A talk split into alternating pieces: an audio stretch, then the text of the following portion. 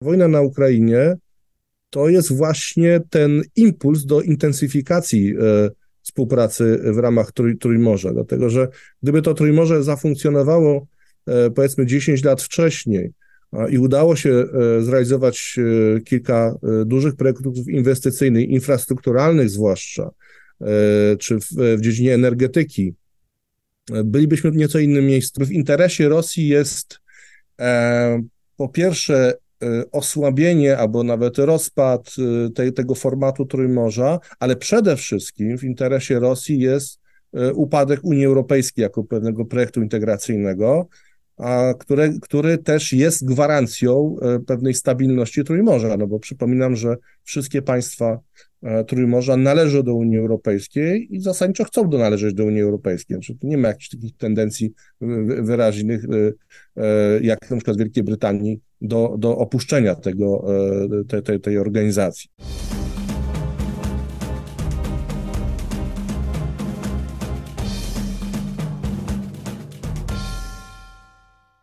Dzień dobry Państwu. E, Paweł Kusiak i Łukasz Wyszyński witają serdecznie na kanale Stosunki Międzynarodowe Akademii Marynarki Wojennej. Witamy i zapraszamy Państwa na rozmowę o takim chyba jednym z najciekawszych, najbardziej interesujących, ale też kontrowersyjnych projektów geopolitycznych, geostrategicznych, który e, no, realizowany jest między innymi przez nasz kraj, dyskutowany. Myślimy tutaj o e, inicjatywie Trójmorza. Naszym dzisiejszym gościem, z którym właśnie o tym będziemy chcieli porozmawiać, jest pan profesor Radosław Zenderowski, socjolog i politolog, kierownik Katedry Stosunków Międzynarodowych i Studiów Europejskich oraz dyrektor Instytutu Nauk o Polityce i Administracji na Uniwersytecie Kardynała Stefana Wyszyńskiego e, w Warszawie. Polu zainteresowań badawczych naszego gościa znajduje się Europa Środkowo-Wschodnia, konflikty etniczne w Europie Środkowo-Wschodniej i na Bałkanach, polityka etniczna, relacje polityka, religia.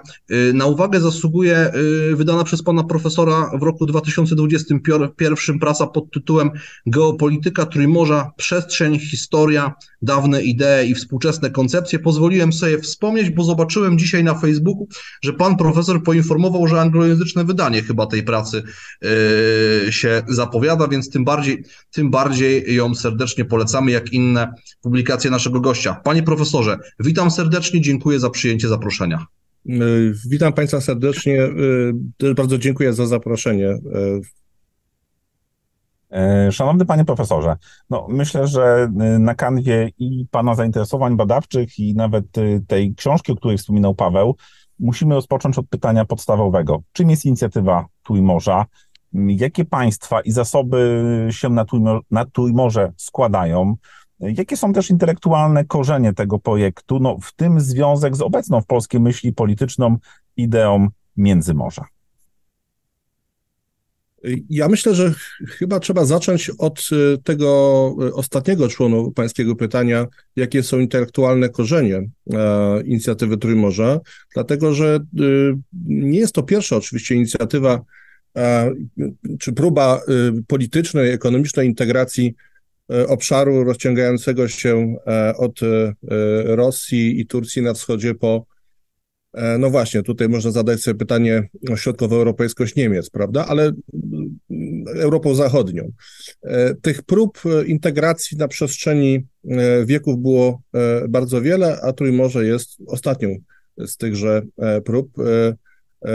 Ostatnią, ale nie w tym sensie, że już żadnych nie będzie, tyle tego, że jest to najnowsza koncepcja. Trzeba powiedzieć, że początek e, tego dyskursu o Europie Środkowej w takim ujęciu e, właśnie myśli politycznej e, czy geopolitycznej należy się niewątpliwie uczonym niemieckim.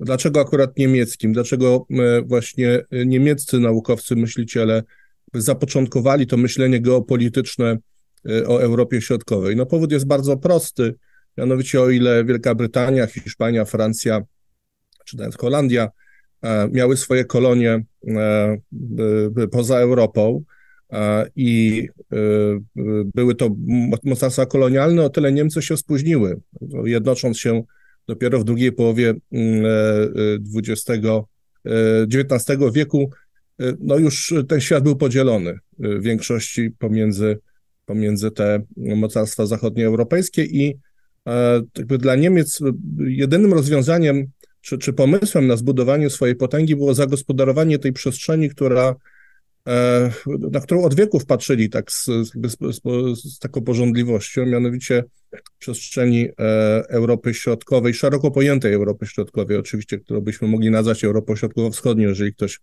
ktoś woli. E, takim myślicielem, który jako pierwszy rzucił to hasło Mittel Europy jest Józef Parcz, jako jeden z pierwszych. To był w 2000, 1904 roku, przepraszam, ukazuje się jego e, dzieło pod tytułem właśnie Mitteleuropa, e, do której to zalicza Rzeszę Niemiecką, Cesarstwo Austro-Węgierskie, łącznie już z okupowaną przez e, to państwo Bośnią, a na północy Belgię, Holandię, na południu Szwajcarię, natomiast jeśli chodzi o Bałkany, to Serbię, Rumunię i Bułgarię, także jak Państwo widzą, jest to dość rozległy, rozległy obszar.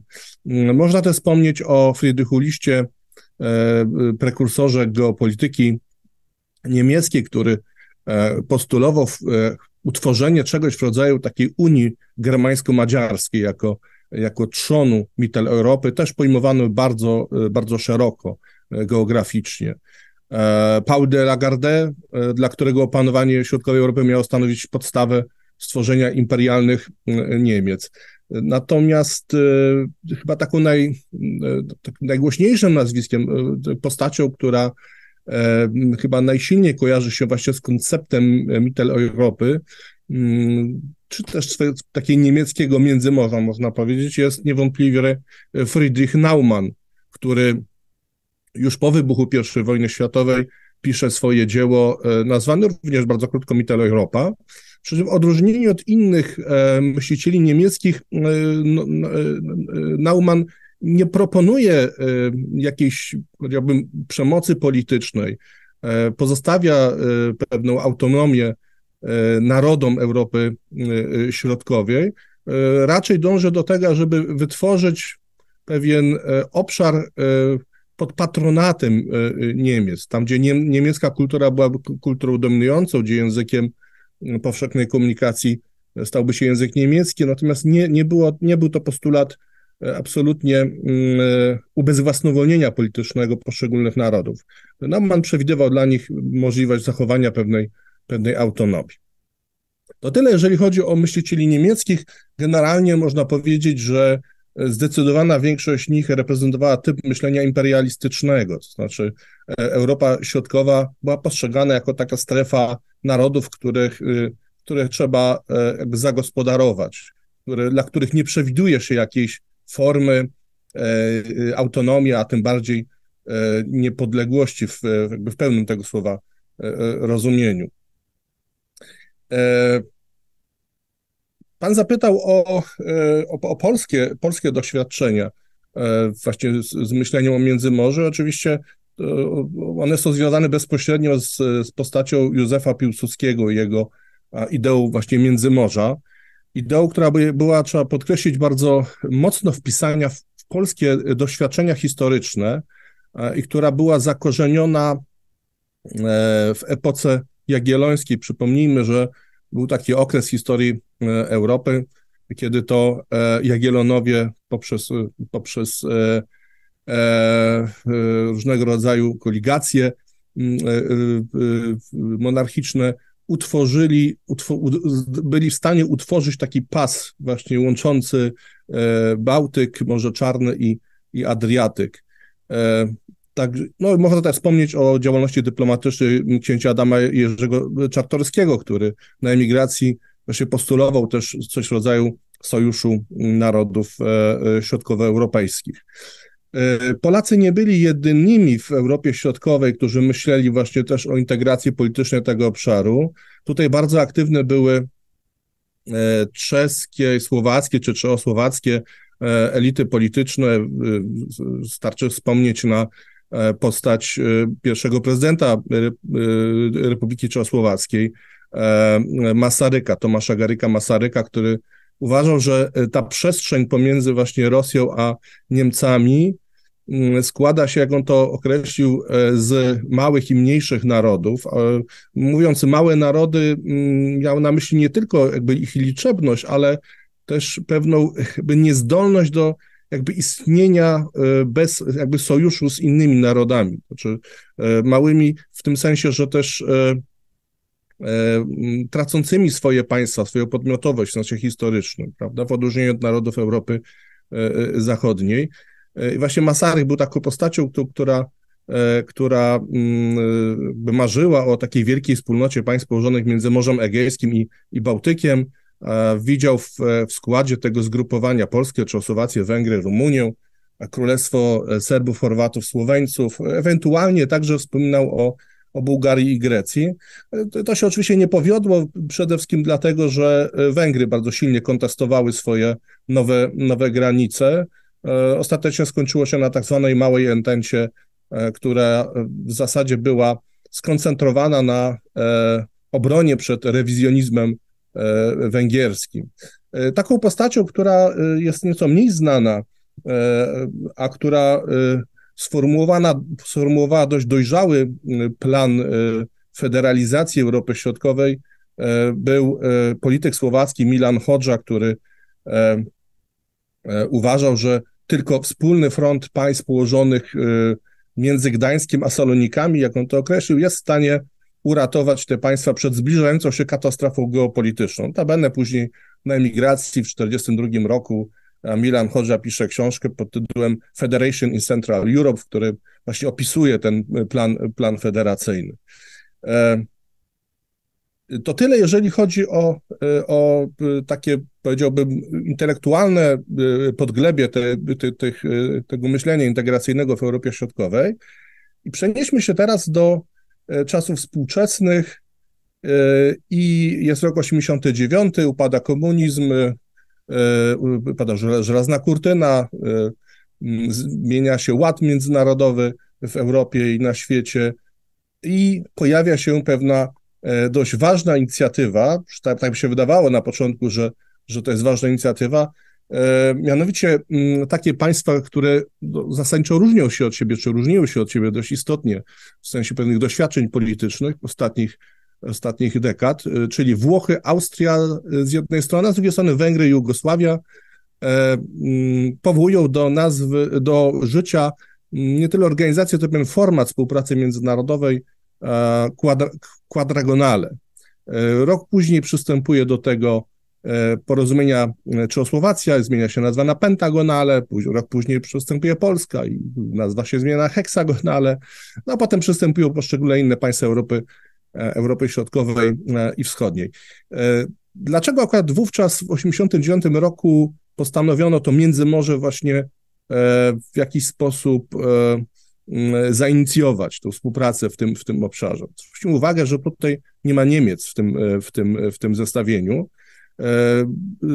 To był pewien plan, który miał zintegrować Europę Środkową w obawie przed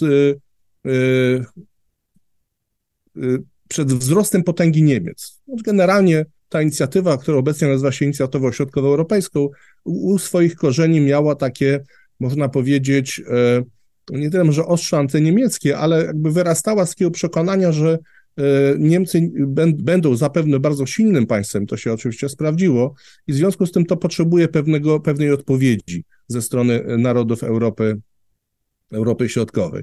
No i dochodzimy do e, nasze, naszego Trójmorza, inicjatywy Trójmorza, które, e, które w zasadzie, można powiedzieć, nieformalnie zainicjowano we wrześniu 2015 roku mm, w Nowym Jorku. Zaczęły się te pierwsze rozmowy, natomiast no, jeszcze wówczas nie nabrało takiego kształtu instytucjonalnego. Dopiero na szczycie e, w Dubrowniku w sierpniu 2016 roku z inicjatywy Polski i Chorwacji e, zawiązuje się właśnie inicjatywa E, inicjatywa Trójmorza.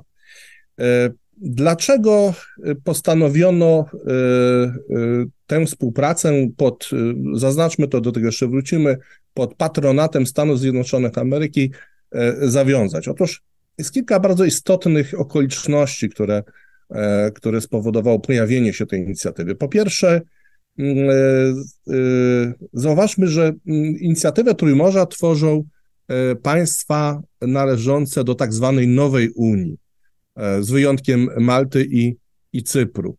To one właśnie postanowiły zawiązać ten, ten, ten, ten format współpracy międzynarodowej. Są to państwa, które należą nie tylko do NATO, ale także do, znaczy do Unii Europejskiej, ale także do NATO. E, przystąpiły do tych organizacji no, stosunkowo późno, e, jeśli porównywać to, to do państw Europy e, Zachodniej. Natomiast przez, przez ten okres swojego członkostwa w Unii Europejskiej rozwinęły się gospodarczo na tyle, by chcieć zrzucić z siebie taki gorset krajów półperyferyjnych, które jedynie adaptują się do pewnych rozwiązań politycznych i gospodarczych E, generowanych, e, wskazywanych przez państwa należące do tak zwanego jądra Unii Europejskiej, przede wszystkim mowa tutaj o, o Niemczech, Francji i, e, i, i Holandii. Innymi słowy, stała za tym pewna wola bardziej aktywnego uczestnictwa w projekcie europejskim i to właśnie miał być taki czynnik integrujący państwa, państwa Trójmorza. Absolutnie Trójmorze nie było i nie jest narzędziem jakby rozbijania Unii Europejskiej, czy tworzenia jakiejś, jakiegoś no, nowego formatu, e, o co czasami oskarża się e, Trójmorze. Inna rzecz, że też takim bardzo ważnym powodem, dla którego to Trójmorze e, się, się zawiązało, są, jest pogłębiający się taki kryzys strukturalny Unii Europejskiej, stąd też niektórzy twierdzą, że Trójmorze ma, może być w przyszłości jakoś taką tratwą, na której te narody w wypadku rozpadu Unii Europejskiej e, e, się znajdą i ocaleją. E, no ale powiedzmy, to jest takie myślenie mm, czysto życzeniowe, na razie nie mające zbyt poważnych podstaw. Niemniej jednak to, co cechuje też te narody Europy Środkowej, tworzące Trójmorze, w większości w każdym razie, są pewne obawy przed, przed centralizacją Unii Europejskiej i tworzenia czegoś w rodzaju właśnie nie tyle państwa federalnego, ile superpaństwa, którego e, mm, jądrem, e, tym centrum zawiadywania miałby być e, Berlin. Mowa tutaj o państwach, jeśli mówimy o Europie Środkowej, państwach, które dopiero co odzyskały swoją suwerenność, chciały się nią nacieszyć, uznają ją za pewną, za pewną wartość.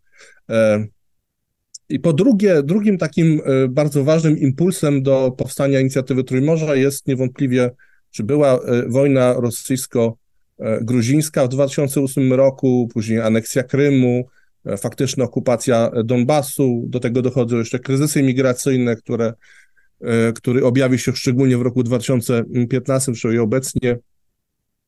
Generalnie takie poczucie wzrastającego zagrożenia ze, ze, ze wschodu. To jest coś, co niewątpliwie połączyło, łączy i zapewne w najbliższych latach będzie łączyć, integrować państwa Trójmorza. Przy czym trzeba tutaj powiedzieć, że, że ta percepcja zagrożenia wśród y, członków y, Trójmorza jest, y, jest różna. Znaczy, z jednej strony mamy Polskę, Rumunię, państwa bałtyckie, może jeszcze Chorwację, które e, na serio traktują e, zagrożenie ze strony Rosji, uważają, że to jest realne zagrożenie. Że tak w kontekście wojny na Ukrainie widać to szczególnie e, wyraziście. Z drugiej strony mamy Austrię, Węgry, Bułgarię, Słowację, Słowenię, gdzie gdzie e, Rosja nie jest e, traktowana e, jako takie realne, poważne zagrożenie dla właśnie tychże, tychże państw, że on tam się nie odczuwa takiego, tak powiem, lęku przed, przed Rosją. Trzeci powód, trzeci powód, dla którego inicjatywa zaistniała, to jest wzmożona aktywność Chin w regionie w, w ostatniej dekadzie. Chińczycy, przypomnijmy, w, w 2012 roku inicjują mm, taki też format współpracy e, z państwami regionu, nazwany 16 plus, plus 1. E, dość szeroki zakres, to już prawie wszystkie państwa e, się zapisały do tego do formatu współpracy z Chinami, który wydawał się być bardzo obiecujący z uwagi na ewentualne duże inwestycje chińskie w regionie, a region jest bardzo chłonny i bardzo potrzebuje także inwestycji. E, Chińczykom zależało przede wszystkim tutaj na e, szybkim, łatwym dostępie do rynku Europy Zachodniej, a a Europa Środkowa była traktowana jako pewien, póki co, pewien pas transmisyjny, tak? czyli była traktowana troszeczkę, można powiedzieć, przedmiotowo mimo wszystko. Ale w każdym razie Chińczycy obiecywali inwestycje w, w postaci infrastruktury, energetyki i, e, i tak dalej, i tak dalej. Ile się z tego udało zrealizować, do tego może jeszcze później przejdziemy. E, I czwarty, e, czwarty powód, dla którego mm, ta inicjatywa zaistniała, ostatni z powodów, który wydaje mi się istotny, jest jest to właściwie y, od czego zaczynała się ta współpraca w formacie e, e, Węgry, e, Węgry, Jugosławia, Austria i Włochy, to jest ta obawa przed wzrastającą rolą Niemiec, zwłaszcza w sferze gospodarki, ale przede wszystkim w sferze polityki. Jak popatrzymy na niemieckie PKB i po drugiej stronie dodamy do siebie PKB wszystkich pozostałych, e, wszystkich, e, wszystkich państw e, inicjatywy Trójmorza, no zrozumiemy, o, o, czym, o czym rozmawiamy. To znaczy, łączne PKB tej, tej dwunastki mm, państw Trójmorza nie dorasta do, do, do, nawet do PKB Niemiec, czyli jednego, jednego państwa. No jest ta obawa cały czas po stronie części elit politycznych Trójmorza, że Niemcy tą przewagę ekonomiczną będą chciały mimo wszystko przekuć e, e, na, na pewną e, przewagę charakterze politycznym. I to tyle, jeżeli chodzi o takie, powiedziałbym, główne powody, dla których ta organizacja, ten format, format współpracy zaistniał i powstał. Powiedział pan profesor o patronacie Stanów Zjednoczonych u zarania tej współczesnej wersji instytucjonalnej inicjatywy Trójmorza. No i w tym momencie nasuwa się pytanie właśnie, jaka jest ocena, jak patrzą na Trójmorze no, kluczowi interesariusze tego projektu, wielkie mocarstwa, mocarstwa regionalne, y, dla, dla których Europa Środkowo-Wschodnia to tradycyjna y, sfera wpływów. Czy my tu możemy wyodrębnić jakieś takie wyraźne stanowiska? Można zażartować, komu przeszkadza Trójmorze najbardziej? Y, jeśli chodzi o Stany Zjednoczone, to e, e, trzeba pamiętać o tym, że Europa Środkowa od zawsze stanowiła dla, dla Ameryki dość ważne miejsce w sensie takim geostrategicznym. Ale tutaj takim, powiedzieć, bezpośrednim impulsem, dla którego Stany Zjednoczone się zaangażowały w, w Europie Środkowej, to było właśnie było to pojawienie się Chin. A przypominam, że Chiny od e, dobrej, dobrej dekady przynajmniej e, są traktowane właśnie z perspektywy amerykańskiej jako właśnie ten główny przeciwnik. Nie Rosja, tylko właśnie Chiny zostały zdefiniowane jako ten rywal, który dąży do jakby zakwestionowania, zakwestionowania pozycji Stanów Zjednoczonych jako takiego mocarstwa światowego, jedynego mocarstwa światowego, prawda? I tu, pojawiają się Chińczycy E, w, na obszarze Trójmorza.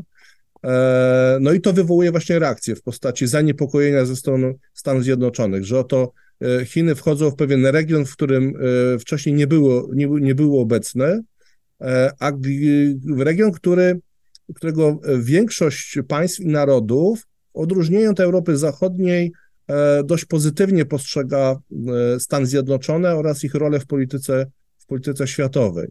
E, tutaj pojawia się takie właśnie poczucie zagrożenia, że można utracić e, ten, ten, ten, ten region. Zatem Amerykanie wykonują szereg e, ruchów, które mają ograniczyć obecność właśnie Chin, Chin w regionie. Początkowo Chiny, tworząc ten format 16 plus 1, jako takiego naturalnego lidera i partnera do, do, do rozmów, no widziały Warszawę, Polskę. Z uwagi raz na, na wielkość naszego e, państwa demograficzną i ekonomiczną, ale także z uwagi na, e, na pewne przewagi historyczne, to znaczy e, Chińczycy jakby doceniają to, że Polska była państwem, które ma najdłuższe tradycje państwowe w, w, Europie, w Europie Środkowej, prawda? Myśmy byli pozbawieni własnego państwa raptem 123 lata, gdzie mówić tutaj o, powiedziałbym, Bułgarach, Serbach, Węgrach czy Czechach, którzy nie posiadali kilkaset lat swojego państwa, już nie wspominam o, o narodach, które nigdy swojego państwa nie miały i, i utworzyły własne państwowości dopiero kilkadziesiąt lat, lat temu. Także y, to byłby taki główny powód, dla którego e, tutaj Donald Trump był taką twarzą, e, taką postacią, z którą e, wiązano duże nadzieje, jeżeli chodzi o, Stany Zjednoczone. Mm, jak wiadomo, Trump myślał bardzo, tak powiem, pra pragmatycznie i był, był sprzedawcą dobrym, w związku z czym Amerykanie tutaj chcieli poza wy, wypchnięciem Chin zrobić interes na sprzedaży gazu e, e, skroplonego. Notabene są teraz głównym dostawcą, prawda?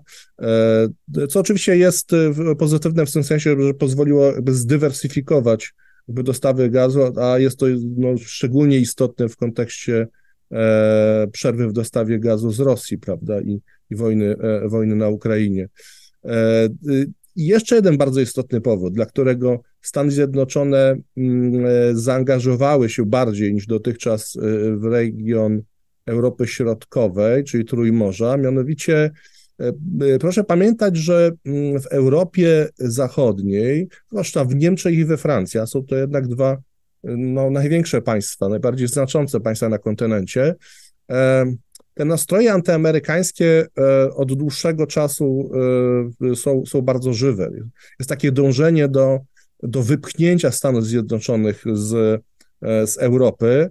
Oczywiście jest to też na rękę jak najbardziej Moskwie, więc tutaj ten sojusz taki niepisany Paryża, Berlina i, i Moskwy jest dość oczywisty, prawda? No właśnie to zaangażowanie miało trochę temu przeciwdziałać. No to miał być taki, taki sygnał wysłany do, do Europy Zachodniej, że e, my z tej Europy nie wyjdziemy, prawda, że tutaj będziemy. Mm, e, a przypomnę jeszcze raz, powtórzę, no, takie narody duże Trójmorza, jak, jak Polacy czy Rumuni, to są narody, w których tradycyjnie Stany Zjednoczone mają bardzo dobrą, dobrą opinię, w odróżnieniu, tak jak powiedziałem, od, od, od Berlina czy, czy, czy Paryża. Tak bym odpowiedział na to pytanie.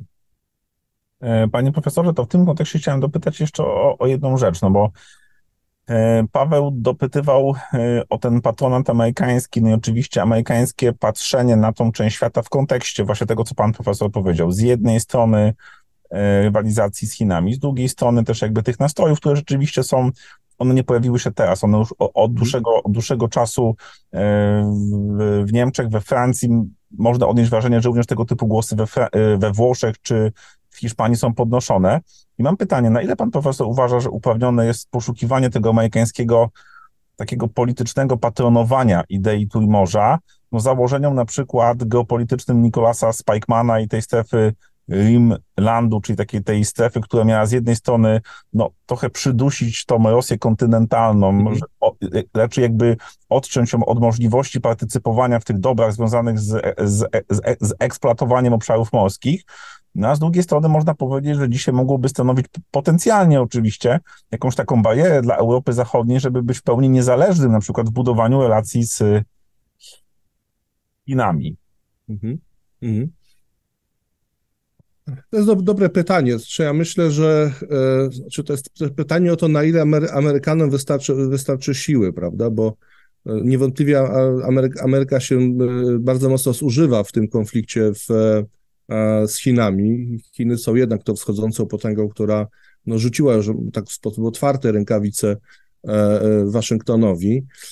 Stawia się pytanie, na, na, ile, na ile starczy sił determinacji.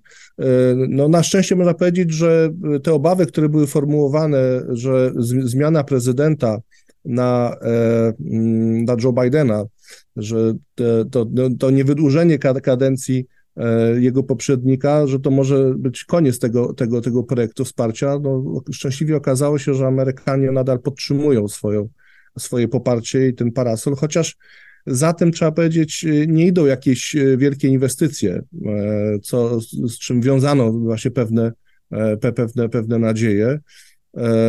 Ja myślę, że też doskonale Amerykanie rozumieją ten taki nieformalny, niepisany, niewypowiedziany właśnie sojusz między Paryżem, Berlinem i, i Moskwą, mający na celu właśnie wypchnięcie Ameryki, całkowite wypchnięcie Ameryki z Europy, na co Amerykanie na pewno się nie zgodzą, będą robić wszystko, żeby E, e, żeby tutaj pozostać.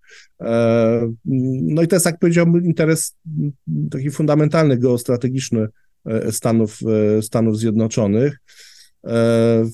Jak padło to pytanie o to, kto, kto jest jakby największym przeciwnikiem, przeciwnikiem Trójmorza, to jest dobre pytanie, dlatego że oczywiście głównym przeciwnikiem, oponentem tego projektu jest, jest Rosja, która traktowała chciałoby się powiedzieć od zawsze, ale od wieków, tak, tak byłoby bardziej precyzyjnie, traktowała e, obszar Trójmorza jako swoją strefę e, wpływu, prawda, jako tak zwaną też bliską zagranicę, jako część tego, tego, tego Trójmorza, w związku z czym to właśnie myślenie w kategoriach strefy wpływu jest, jest bardzo jakby typowe dla, dla myślenia e, rosyjskiego. I, i tutaj też pojawia się ta koncepcja euro, euroazjatyzmu, która jest bardzo modna i popularna w ostatnich, e, w ostatnich e, kilkudziesięciu latach, zwłaszcza w ostatnich dwudziestu latach, e, ta koncepcja, za którą, której ojcem, mentorem jest Aleksander Dugin, która zakłada stworzenie pewnego bloku geopolitycznego od Władywostoku po Lizbonę, prawda? To brzmiało jeszcze te 20 lat temu dość egzotycznie i niewiarygodnie, ale E, jak się obserwuje przemiany polityki międzynarodowej, to się dochodzi do wniosku, że ten scenariusz e, no może nie jest jakby bliski realizacji, czy, czy bardzo prawdopodobny, ale już nie jest tak nieprawdopodobny jak, e, jak te 20, 20 lat temu. Także myślę, że no a Europa Środkowa, znaczy Trójmorze, no to jest właśnie ta, ta, ta, ta przeszkoda w realizacji tego, tego, tego konceptu, prawda? Od Władywostoku po, po Lizbonę, stoi jakby niejako w poprzek tej, tej, tej, tej koncepcji.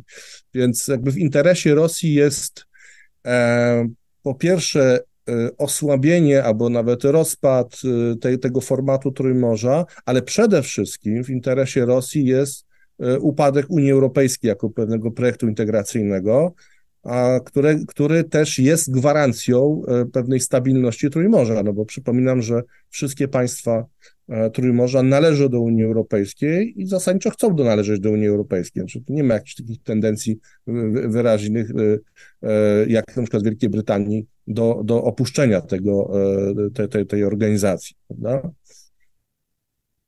Y, tutaj, panie profesorze, taka myśl mi przyszła, że w takiej narracji propagandowej w ramach wojny informacyjnej w ogóle w rosyjskim przekazie Trójmorze jest określane trochę jako kordon bezpieczeństwa wręcz, y, czy, y, czy no, w kontekście zaangażowania Stanów Zjednoczonych w ten projekt, tak to Rosjanie postrzegają. Czy uważa pan, że takie wsparcie dla Trójmorza ze, stron, ze strony USA, w tym kontekście tego, co pan wcześniej powiedział, ono będzie utrzymywane właśnie niezależnie od zmian w administracji możliwych, prezydenckich?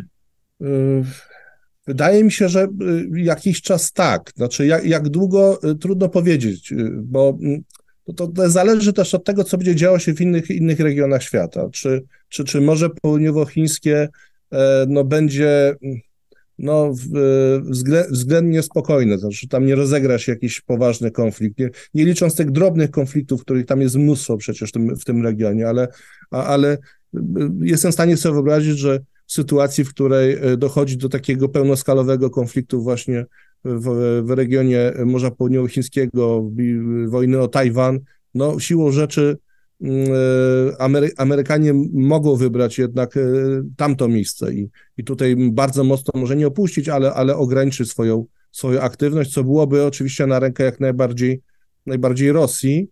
E, no, w tej sytuacji państwa Trójmorza odnajdą się w położeniu no, godnym pożałowania, dlatego że e, oczywiście e, to ośmieli tylko Rosję do, e, do e, dalszych kroków w kierunku e, jakby odbudowy swojej strefy wpływów e, w tym regionie. Z drugiej strony trudno jakby spodziewać się jakiejś pomocy ze strony mm, takich państw jak, jak, Niemcy czy, czy Francja, czy generalnie państwa Europy Zachodniej, czy nawet południowej, które będą zajęte w tym czasie zapewne, to łatwo bardzo przewidzieć, bardziej kryzysem migracyjnym, który, który będzie narastał, niż zrobieniem czegokolwiek, ażeby mm, jakby ratować integralność Unii Europejskiej E, i e, czy, czy, czy jakiś, jakiś sposób istotny pomóc Trójmorzu, tak?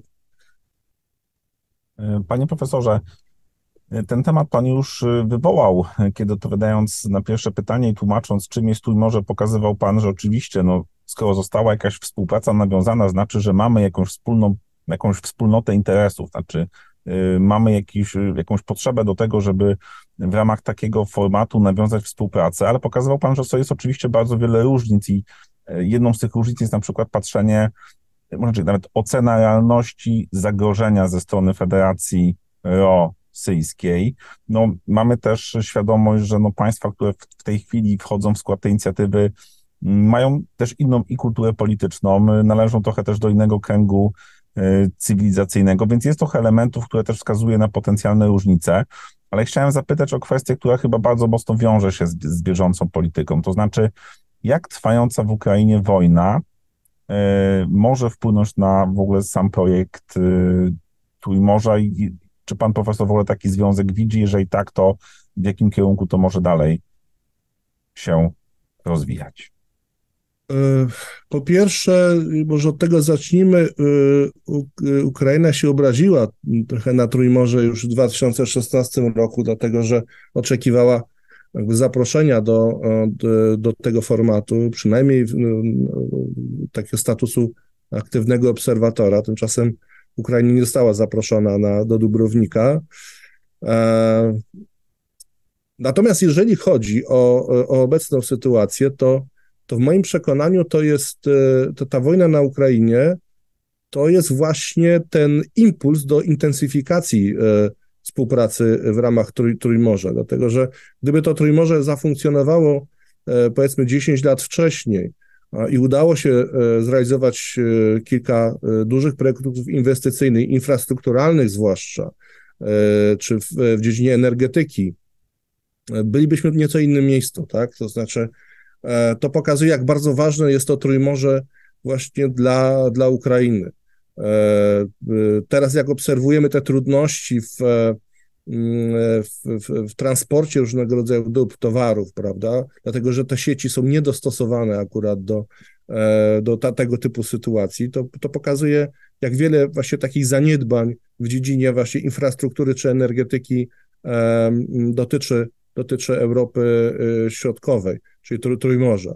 Myślę, że, że ten toczący się konflikt y, y, przekona tych polityków, którzy e, do tej pory byli tacy, powiedziałbym, neutralni, czy, czy niezbyt sprzyjający właśnie współpracy w, w, w Trójmorzu, do tego, że, że jednak warto to robić. Dlatego że przypomnę, że e, jakby u podstaw Trójmorza jest takie przekonanie, że e, ta współpraca, która ma mieć charakter czysto ekonomiczny, nie, nie polityczny, czysto ekonomiczny. Podobnie jak zaczynała się, zaczynały się wspólnoty europejskie, prawda, od, od węgla, stali, żelaza, tak tutaj e, postanowiono e, zacząć właśnie od infrastruktury drogowej, kolejowej, od cyfryzacji, od energetyki, prawda, to, to mają być takie konkretne e, powody, dla których te państwa z sobą chcą współpracować, bo, bo, bo dochodzą do przekonania, że to daje pewien efekt synergii, że, że na tym wszyscy skorzystamy, tak że e, na, na budowie Via Carpati e, skorzystają wszystkie państwa e, Europy, Europy Środkowej. Prawda? To takie, tak, tak, taki przykład pierwszy, pierwszy z brzegu. No niewątpliwie ważnym, ważnym pytaniem jest to pytanie, czy w, w przyszłości Ukraina może dołączyć do do Trójmorza. W moim przekonaniu będzie to bardzo trudne, i jeśli nie niemożliwe nawet. Chociaż z drugiej strony, jak się popatrzy na mapę polityczną Europy, no to e, no właśnie, to, to Trójmorze, żeby miało pełny sens, to faktycznie e, to, to ta obecność Ukrainy byłaby e, wręcz pożądana. Tyle tylko, że to musiała być Ukraina, która jest po pierwsze państwem ustabilizowanym, o, ustabilizowanych granicach, a po drugie jest członkiem Unii Europejskiej. Przypomnę, że do Trójmorza należą wyłącznie e, e, państwa członkowskie Unii Europejskiej, co sprawia, że ta współpraca ma przede wszystkim finansowanie, dlatego że to nie jest tak, że Trójmorze, ten fundusz inwestycyjny Trójmorza jest, jest niewielki. On jest niewielki, bo faktycznie część pan jeszcze nie zapłaciło składki, a część zapłaciło tą minimalną składkę w postaci 20 milionów euro. Polska, Rumunia po 250, e, to też pokazuje, komu najbardziej na tym zależy. E, te pieniądze są, bo to są pieniądze unijne na, na infrastrukturę, a tych pieniędzy jest bardzo dużo, także z tym akurat większego problemu nie ma. E, czy Ukraina stanie się członkiem Unii Europejskiej? Szczerze mówiąc, wątpię. Znaczy, myślę, że jest to też niemalże niemożliwe, a to powoduje, że, że to myślenie o Ukrainie w, w kategoriach E, e, członkostwa w Trójmorzu jest, jest, e, jest niemożliwe. Możliwa jest natomiast bliska współpraca, tak? Jak, jakaś forma kooperacji, ale tak jak mówię, jest to do pomyślenia dopiero wówczas, kiedy sytuacja na Ukrainie się uspokoi, przynajmniej, przynajmniej zostaną zakończone działania, działania zbrojne. Tak? Panie profesorze, pozwolę sobie ten wątek jeszcze pociągnąć i wiem, że jakby no, są, są to na pewno trudne pytania, bo E, stawiając je, przyjmuje bardzo wiele założeń, które nie muszą być prawdziwe, ale gdyby rozważyć taki scenariusz, że rzeczywiście Amerykanie będą zmuszeni zmniejszyć swoją obecność wojskową w regionie, a wojna na Ukrainie pokazała, że mm, e, groźba próby rewizji e, ze strony Moskwy swoich interesów w tej części świata jest bardzo realna.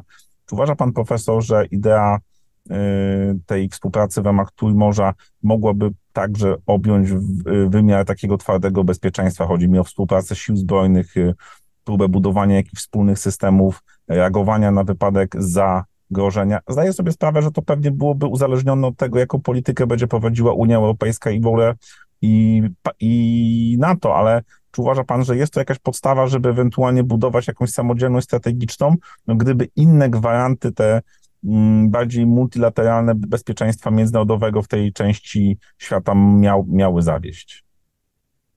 Y, do przede wszystkim należy wskazać na, na ten paralelny format współpracy w postaci tej bukareszteńskiej dziewiątki, prawda, tych państw e, wschodniej flanki, e, wschodniej flanki NATO.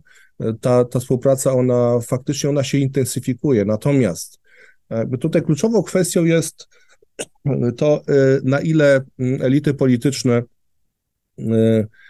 państw y, Trójmorza y, poważnie traktują taki postulat, wyzwanie wzmocnienia, istotnego wzmocnienia swoich sił zbrojnych, dlatego że żaden sojusz nie zagwarantuje pełnego bezpieczeństwa, prawda? Trzeba najpierw umieć sobie samemu pomóc, samemu zbudować pewną siłę, siłę militarną, ażeby móc oczekiwać jakby pomocy ze strony sojuszników. Tak?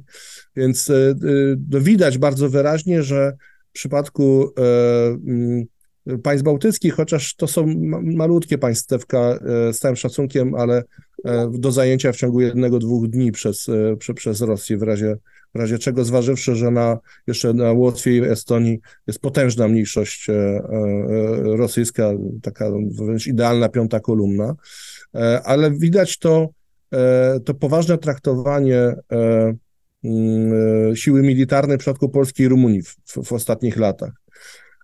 Rumuni troszeczkę później się obudzili od nas. Generalnie zauważyli, że, że Krym jest bardzo blisko Konstancy i, i że ten region Morza, Morza, Morza Czarnego jest e, e, w coraz w większym stopniu w domenie, e, w, w domenie rosyjskiej, w związku z czym zaczęli modernizować swoje siły zbrojne, zwłaszcza morskie, ale nie tylko, bo, bo też lotnictwo wojskowe. Natomiast są też państwa Trójmorza, powiedzmy sobie szczerze, które no niezbyt poważnie traktują kwestie, kwestie wojskowe. Myślę tutaj przede wszystkim o, o Austrii, która, no, można powiedzieć, nie pasuje do, w ogóle do Trójmorza w tym sensie, że jest jedynym państwem, które nie ma tego doświadczenia postkomunistycznego, komunistycznego. Jest to państwo, które no, nie doświadczyło E, e, komunizmu na własnej, na własnej skórze. Niektórzy złośliwi twierdzą, że Rosja to jest taki szpieg niemiecki w, w organizacji, ponieważ Niemcy starają się o członkostwo w, w Trójmorzu, ale nie mogą do tego Trójmorza wejść, dlatego że nie ma pełnej zgody wśród, e, wśród państw tworzących tą, ten format współpracy, więc tutaj są takim, Austria pełni rolę takiego ucha niemieckiego. Myślę też o Węgrzech choćby nawet, prawda? To są takie państwa, które, które no, nie, nie podchodzą do. A to właśnie wynika z tej percepcji zagrożenia, że tutaj jakby nie, nie odczuwają zagrożenia ze strony Rosji, prawda? Panie profesorze, a gdyby miał się pan pokusić na koniec o zarysowanie takich dwóch scenariuszy, myślę o perspektywie krótkiej i średniookresowej, choć średniookresową też bym się bał tutaj y, poruszać, y, rozwoju mm, Trójmorza, tą optymistyczną i pesymistyczną. Jak pana zdaniem y, może wyglądać ten projekt w tej postaci za 10-15 lat? Dobre pytanie, czy przeszłość, przyszłość trudno, trudno przewidzieć, chociaż są pewne procesy, które pozwalają e, ekstrapolować e, i myślę sobie tak najsłabszym punktem w tej chwili e, Trójmorza są elity polityczne. Elity polityczne państw, które nie do końca rozumieją politykę światową, nie, do końca rozumieją te procesy, które się jakby wydarzają w, w Europie, nie do końca rozumiał skalę wyzwań, przed którymi e, e, staje nasz region w, w świecie, który jest coraz mniej spokojny, który jest, e, w którym jest coraz więcej konfliktów, narastają różnego rodzaju problemy, takie jak na przykład migracje. Więc jakby tutaj jest ten słaby bardzo punkt, tak? I jak będą wyglądać przemiany elit politycznych, na ile, na ile e, nowe elity e, będą rozumieć tę rzeczywistość lepiej, to trudno im bardzo powiedzieć, tak? Natomiast e, gdybym ja miał rysować jakiś scenariusz, to myślę sobie, że istnieje dość duże prawdopodobieństwo, że Trójmorze, jeżeli utrzyma to takie niezbędne minimum integracji wewnętrznej, E, gdy będą jednak te drogi będą powstawać, jeżeli ta dywersyfikacja dostaw surowców energetycznych e, będzie e, coraz większa, jest i tak się, tak się dzieje, to, to za tych 10-15 lat w kontekście tego, bo to jest bardzo, bardzo ważny kontekst, co, co będzie działo się w Europie Zachodniej? Otóż, czy w moim przekonaniu Europa Zachodnia jest na skraju bardzo poważnych procesów dezintegracyjnych Y, one będą związane y, przede wszystkim właśnie z, z tym największym wyzwaniem, przed którymi staje, e, stają e, Francja, Niemcy, Holandia, Włochy, Hiszpania, większość państw Europy Zachodniej, to, to jest kwestia E, imigrantów, prawda, imigracyjna. Będzie się zmieniać e, radykalnie oblicze tych społeczeństw, e, prawda. Ja myślę, że to będzie prowadzić do szeregu takich małych konfliktów, ale konfliktów, które łącznie będą jakby tworzyły taką atmosferę pewnej dekadencji, schyłku, zmierzchu cywilizacji, którą, którą znamy.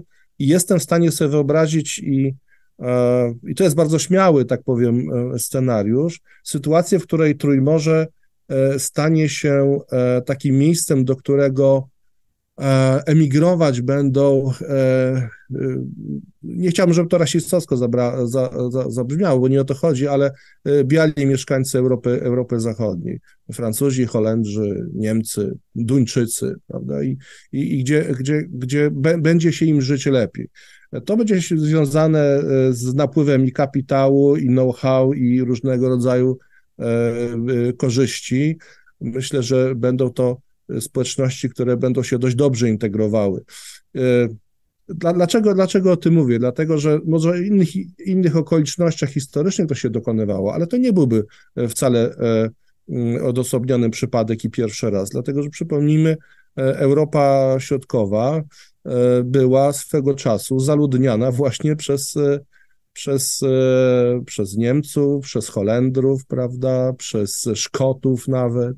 Także jestem w stanie sobie wyobrazić taki scenariusz, ale tak jak powiem, wrócę do tego pierwszego wątku, naprawdę bardzo dużo zależy tutaj od, od elit politycznych i od pewnej ciągłości myślenia o polityce zagranicznej, dlatego że to jakby nie może być tak, że e, nie, nie, nie, może być tak, że, przepraszam, e, że w zależności od tego, która partia rządzi, tak, tak, tak szybko zmienia się, zmieniają się główne cele polityki zagranicznej. To też jest pewien problem w wielu państwach. Czy to będzie Słowenia, czy to będzie Chorwacja choćby nawet, gdzie to widać bardzo wyraźnie, prawda? Czy będzie Bułgaria, gdzie inną koncepcję polityki zagranicznej ma prezydent, inną koncepcję polityczną e, ma, e, ma premier, prawda? Znaczy to jest też pewien, pewien problem. O ile te państwa, w tych państwach e, ten postulat dołączenia do NATO, do, do Unii Europejskiej, tutaj był, był właściwie ponadpartyjny, tu był pewien konsensus. To tutaj, jeżeli chodzi o Trójmorze, czy relacje z Rosją, relacje z Stanami Zjednoczonymi, to tego konsensu tutaj E, tutaj, tutaj nie widzę. E, reasumując, e, jestem raczej optymistą. Znaczy, wydaje mi się, że może nie tak szybko, jakbyśmy oczekiwali, ale ten, ten projekt Trójmorza, on, on, on, on jest skazany na, na sukces. On, on się będzie, będzie rozwijał. Panie profesorze, no to bardzo dziękuję za taką pozytywną konstatację na, na sam koniec, że jednak pan profesor widzi w tym, w tym projekcie przyszłość. Wydaje mi się, że ta rozmowa była bardzo cenna przede wszystkim z, jednego powodu, to znaczy Y, sama idea Trójmorza jako pewne słowo, określenie pojawia się w debacie politycznej, publicznej, y, ale bardzo rzadko schodzimy na poziom dyskusji tego, czym tak naprawdę ta idea jest, skąd się wzięła, jakie ma znaczenie i wymiar dla państw bezpośrednio zaangażowanych, ale także tych państw, których dotyka zarówno na zachodzie Europy, jak i tych na wschód od nas. I bardzo się cieszę, że te kwestie udało nam się E, dzisiaj poruszyć. Szanowni Państwo, naszym gościem był pan profesor Radosław Zenderowski. Panie profesorze, no bardzo dziękujemy, że znalazł pan czas, żeby z nami, e, z nami porozmawiać. No i możemy tylko na koniec wyrazić nadzieję, że e, do tego tematu będziemy mieli jeszcze kiedyś może sposobność i przyjemność z panem profesorem wrócić. Dziękuję bardzo za zaproszenie do, do programu i do zobaczenia, mam nadzieję, w przyszłości. E, bardzo dziękujemy. Prosimy Państwa o udostępnianie tego materiału, o komentowanie, zadawanie pytań i zapraszamy już na nasze kolejne rozmowy. Dziękujemy, że byliście Państwo dzisiaj z nami. Do widzenia.